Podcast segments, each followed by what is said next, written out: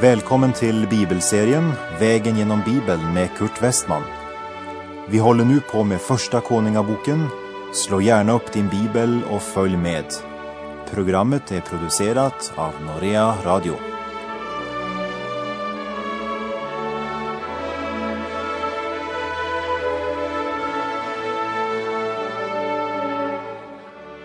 Vi har kommit till Första Konungabok kapitel 3 där temat är Salomos bön om vishet och Guds svar. I det här kapitlet uppenbarar sig Gud för Salomo i en dröm och han säger Be mig om vad du vill att jag ska ge dig. Salomo svarar att han vill ha vishet för att rätt regera över Israel. Och hans önskan behagade Herren så mycket att han i tillägg gav honom mycket mer än det han bad om. I det här kapitlet ska vi också se hur Salomo avgör tvisten mellan två mödrar som kämpar om ett barn. Och denna händelse visar att Gud verkligen gett Salomo vishet och förstånd. Vi läser i Första Kungabok kapitel 3, vers 1 och 2. Och Salomo blev genom giftermål släkt med farao, kungen i Egypten. Han tog faraos dotter till hustru och förde henne in i Davids stad och där fick hon bo tills han hade byggt sitt hus färdigt. Likaså Herrens hus och muren runt omkring Jerusalem. Emellertid offrade folket på höjderna eftersom ännu vid denna tid inget hus hade blivit byggt åt Herrens namn. Något av det första Salomo gjorde efter att han blivit kung, det var att gifta sig med en av faraos döttrar. Därmed knyter han ett släktsband med det hedniska Egypten. Egypten var en av stormakterna i Orienten. Tidigare hade Egyptens farao erövrat den kananeiska staden Geser och den fick Salomo i medgift som vi kan se av Första Konungabok 9, vers 16 och 17. Farao, kungen i Egypten, hade nämligen dragit upp och intagit Geser och bränt upp det i eld och dräpt de kananéer som bodde i staden varefter han hade gett den till hemgift åt sin dotter Salomos hustru. Men Salomo byggde upp Geser liksom nedre Bethoron. Så giftermålet gav jordisk vinning och Egyptens vänskap. Men Salomos äktenskap med hedniska kvinnor var fruktansvärda misstag som slutligen leder till hans fall och undergång. Därför säger han också mot slutet av sitt liv i Predikaren 7, vers 26. Då fann jag något som var bittrare än döden, kvinnan. Här handlar det inte om ett mörkt kvinnosyn. Men det Salomo försöker säga i Predikaren 7 är att det är bättre att dö än att leva och steg för steg komma bort från den sanna gemenskapen med Gud.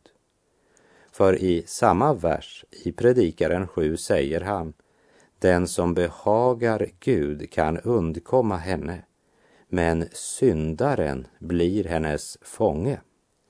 Så djupast sett är det den egna synden som är problemet vi ska se närmare på det när vi kommer till Predikarens bok.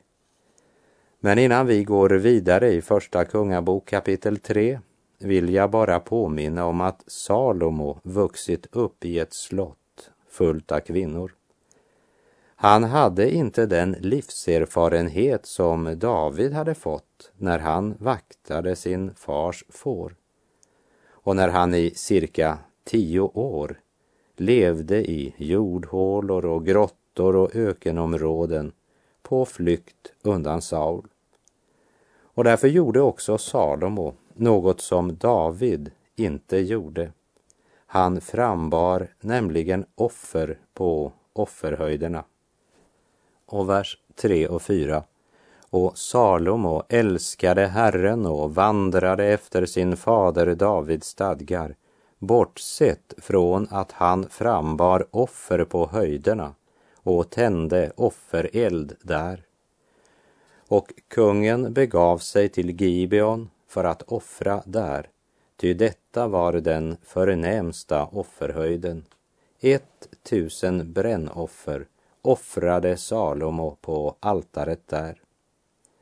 Salomo offrade på hedningarnas altare, något som David aldrig skulle ha gjort. Trots att Salomo älskade Herren var han inte så helhjärtad som David, utan hade tillböjligheter som genom att omsättas i praktiken bröt ner hans karaktär. Visdom är en sak, personlighet något annat. Vers 5. I Gibeon uppenbarade sig nu Herren för Salomo i en dröm om natten. Gud sade, be mig om vad du vill att jag skall ge dig. Herren uppenbarar sig för Salomo genom en dröm vilket var vanligt på den tid när man ännu inte hade tillgång till Guds uppenbarelse genom det gamla och det nya testamentet. Idag uppenbarar han sig genom ordet. Men låt oss komma ihåg att det är Gud som bestämmer när han uppenbarar sig, var han uppenbarar sig och bestämmer också uppenbarelsens innehåll och han uppenbarar sig alltså för Salomo i en dröm. Salomo hade inte skriftens samlade vittnesbörd. Därför talar Gud till honom genom en dröm och säger Be mig om vad du vill att jag ska ge dig. Och att Salomo gör ett så förståndigt val visar att han redan hade en hel del visdom och hade en hel del kunskap om Gud. För han pekar ju faktiskt på löftet från Andra Samuelsbok 7, vers 12 och vers 16 och 17. Vi läser Andra Samuelsbok 7, vers 12. När din tid är ute och du vilar hos dina fäder ska jag efter dig upphöja den son som skall utgå ur ditt eget liv och jag skall befästa hans kungadöme, hade Gud sagt. Och i Andra Samuelsbok 7, vers 16 och 17. Ditt hus och ditt kungadöme skall bestå inför dig till evig tid. Ja, din tron ska vara befäst för evig tid. Helt i överensstämmelse med dessa ord och med denna syn talade nu Natan till David. Och Salomo påminner Gud om att det är genom att Gud uppfyllt detta sitt löfte som Salomo har blivit kung. Första Kungabok kapitel 3, vers 7 och 8. Ja, nu har du, Herre min Gud, gjort din tjänare till kung efter min fader David. Men jag är en helt ung man som inte rätt förstår att vara ledare och anförare. Och din tjänare är här bland ditt folk, det som du har utvalt. Ett folk som är så talrikt att det inte kan räknas eller överblickas på grund av sin mängd. Jag är bara en ung man, säger Salomo. Han kände sig inte kompetent att regera denna stora nation. Det är så många idag som försöker tjäna Gud men som inte tycks förstå hur odugliga de faktiskt är. För vi är alla odugliga att tjäna Gud. Vi borde inse det, för det är först i den situationen Gud verkligen kan ge oss sin hjälp. Vers 9. Så ge nu din tjänare ett lydigt hjärta så att han kan vara domare för ditt folk och skilja mellan gott och ont.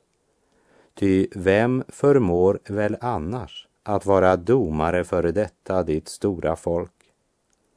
Salomo ber om att få ett förståndigt hjärta när det gäller att leda Guds folk. Vi brukar säga att Salomo bad om vishet. Det är sant, men vilken visdom bad han om? Han bad om politisk visdom. Han ville bli en kompetent och smart statsman och fatta stora nationella beslut. Han bad alltså inte om andligt omdöme. Och det är det mycket viktigt att vi har klart för oss. I både Ordspråksboken och även Predikaren så finner vi en visdom som kan leda oss i denna värld. Ordspråksboken, ja, den borde alla läsa innan de börjar sin livsvandring på egen hand. Men även om Salomos högsång, eller Höga visan som den också kallas, innehåller mycket god andlig visdom, så hade de hedniska hustrurna vänt Salomos hjärta bort från Gud mot slutet av hans liv. Salomo bad inte om andligt omdöme, andlig vishet. Han bad om politisk vishet och Gud gav honom det så länge han levde.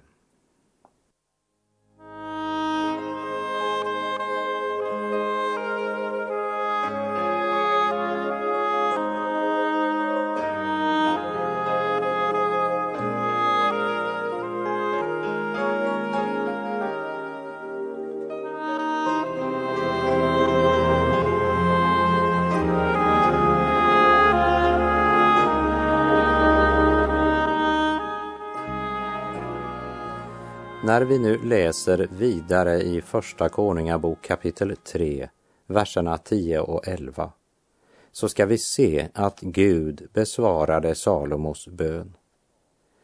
Detta att Salomo bad om sådant behagade Herren, och Gud sade till honom, eftersom du har bett om sådant och inte bett om ett långt liv, inte heller bett om rikedom, eller bett om att dina fiender ska dö, utan har bett om att få förstånd och ge akt på vad rätt är.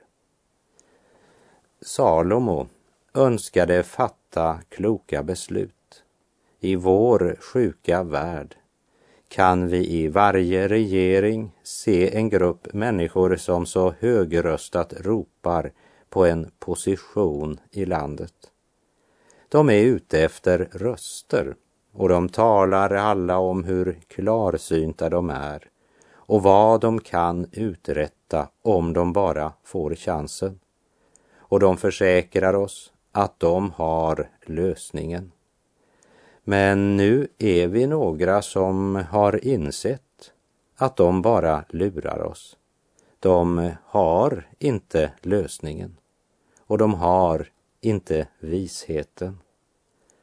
Tänk om det kunde stå fram några som sa, jag har inte visdomen och jag inser min oduglighet och därför är jag beroende av att Gud leder mig och visar mig väg steg för steg.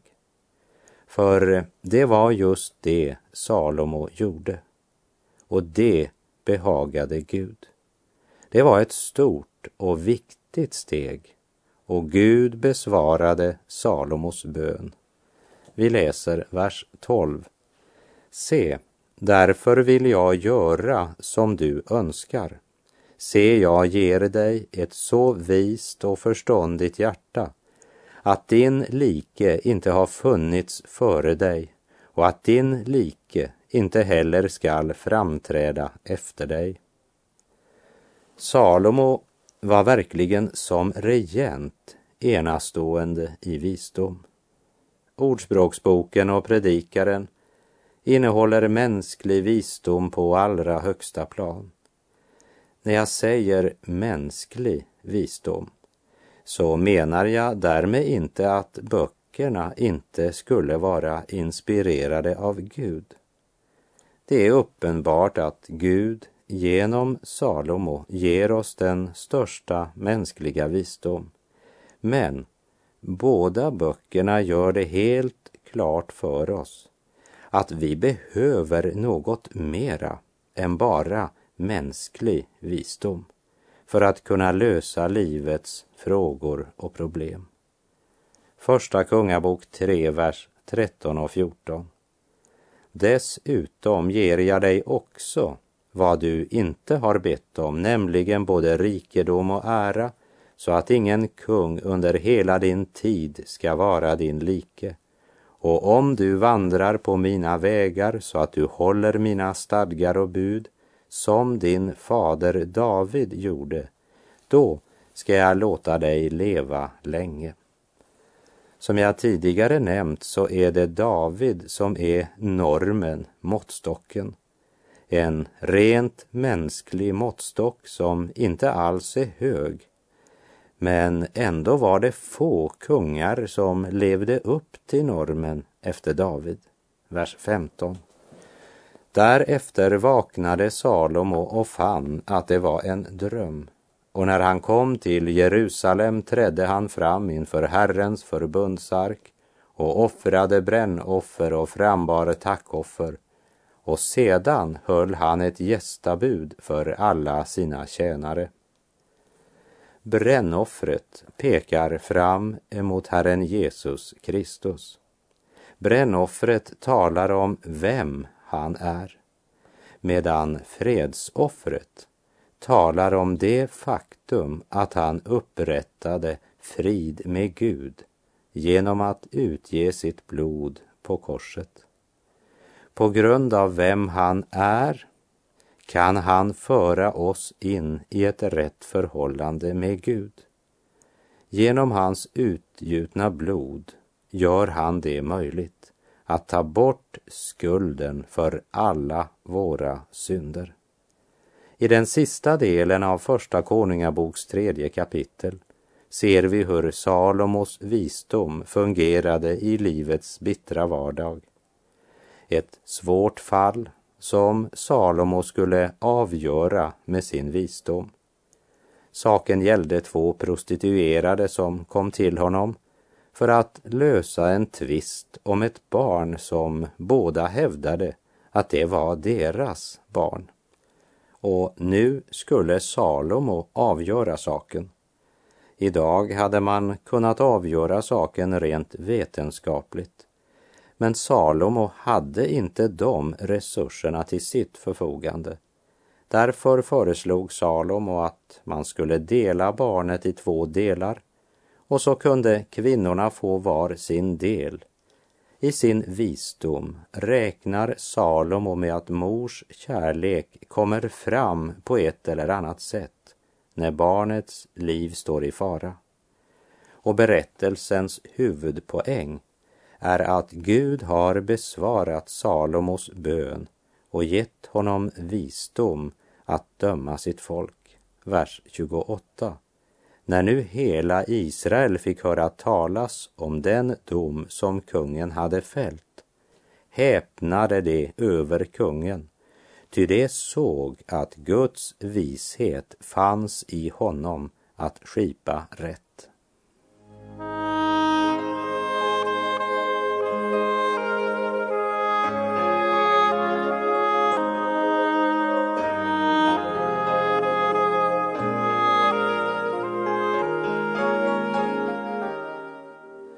Därmed har vi kommit till Första Kungabok kapitel 4 som berättar om Salomos elva prinsar. I kapitel 4 skildras konungadömets höjdpunkt då fred och välmåga kännetecknade kungadömet. Förutsättningen för denna fred som Salomo åtnjuter hade David, krigaren, lagt grunden till genom att besegra fienderna. Här ligger en andlig sanning dold. Vi inbillar oss så lätt att Gud förlåter synder därför att han är sentimental. Men den helige Gud kan inte se mellan fingrarna när det gäller synd. Han måste ta bort synderna genom att försona synderna med offret av ett felfritt offerlamm, Kristus. En kamp måste utkämpas, en strid vinnas och ett stort offer måste göras. Blod måste utgjutas så att vi kunde få förlåtelse och bli renade ifrån alla våra synder. Herren Jesus Kristus skänk skänkte oss frid genom att utge sitt blod på korset. Genom Kristi strid och seger kan vi äga frid med Gud. Och endast genom Jesu blod kan vi få del i denna frid. Första Konungabok kapitel 4, vers 1 till och med 6. Kung Salomo var nu kung över hela Israel och dessa var hans förnämsta män. Asarja, Sadoks son, var präst. Elihoref och Ahia, Sisas söner, var sekreterare. Josafat, Ahiluds son, var kansler. Benaja, Jojadas son, var överbefälhavare. Sadok och Evjatar var präster. Asarja, Natans son, var överfogde. Sabud, Natans son, en präst, var kungens vän. Ahisar var överhovmästare och Adoniram, Abdas son, hade uppsikten över de allmänna arbetena. En del av dessa ansvariga i riket var tydligen av Davids släkt. Asarja, vers 5, är antingen en son till Natan, Davids son, eller en son till profeten Natan. Och vers 7. Och Salomo hade satt tolv fogdar över hela Israel som skulle sörja för vad kungen och hans hus behövde. Var och en hade årligen sin månad då han skulle sörja för dessa behov. Även om eh, Salomo inte följer den tidigare stamindelningen utan indelar riket i tolv distrikt så väljer han en fogde från var stam och därmed behålls tolvtalet.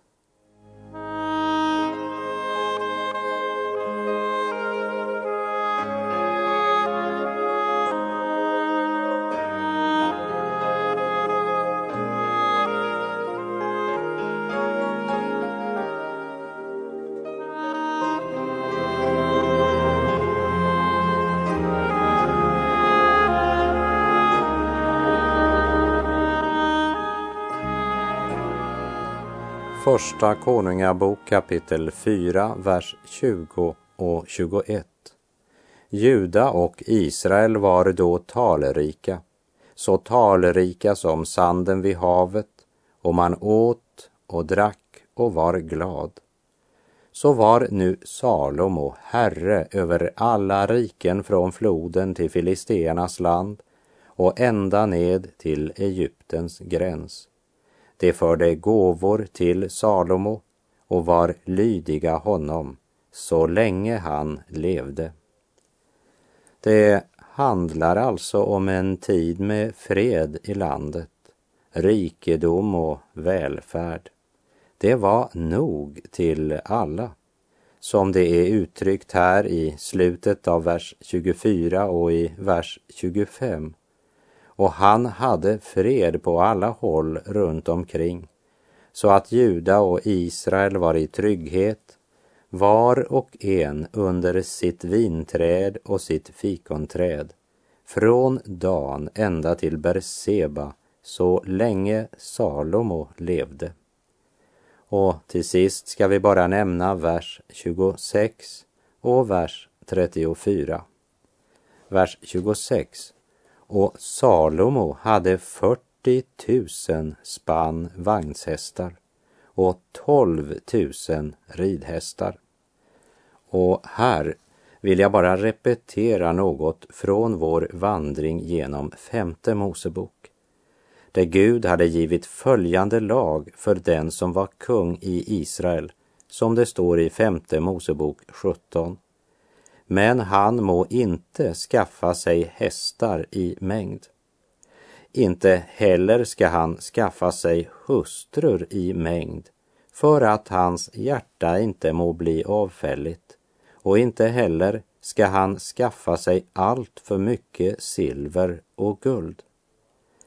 Men på alla dessa områden gjorde Salomo tvärt emot Herrens ord. Må det väcka oss till eftertanke och inse att mänsklig visdom är inte nog, även om den imponerar på människor, som vi kan se av vers 34.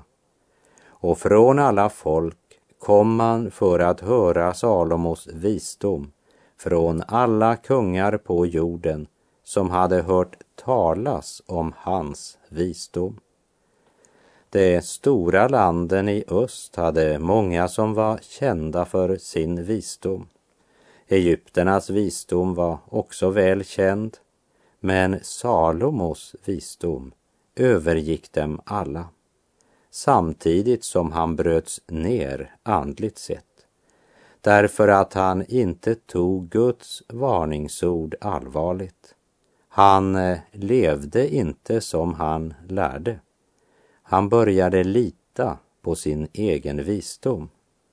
Så inte ens den största visdom hjälper om den inte är förenad med ödmjukhet och gudsfruktan. Låt oss meditera över det tills vi möts igen. I både Ordspråksboken och Predikaren så finner vi, som jag tidigare nämnde, en visdom som kan leda oss i denna värld. Ordspråksboken borde alla läsa innan de börjar sin livsvandring på egen hand. Men det tragiska med Salomo var att de hedniska hustrurna vände Salomos hjärta bort från Gud mot slutet av hans liv. Salomo bad inte om andligt omdöme och andlig visdom. Han bad om politisk visdom. Och Gud gav honom det. Så rikt att man kom från alla folk och land för att höra Salomos visdom. Och med det så får jag säga tack för den här gången. Herren vare med dig Må hans välsignelse vila över dig. Gud är god.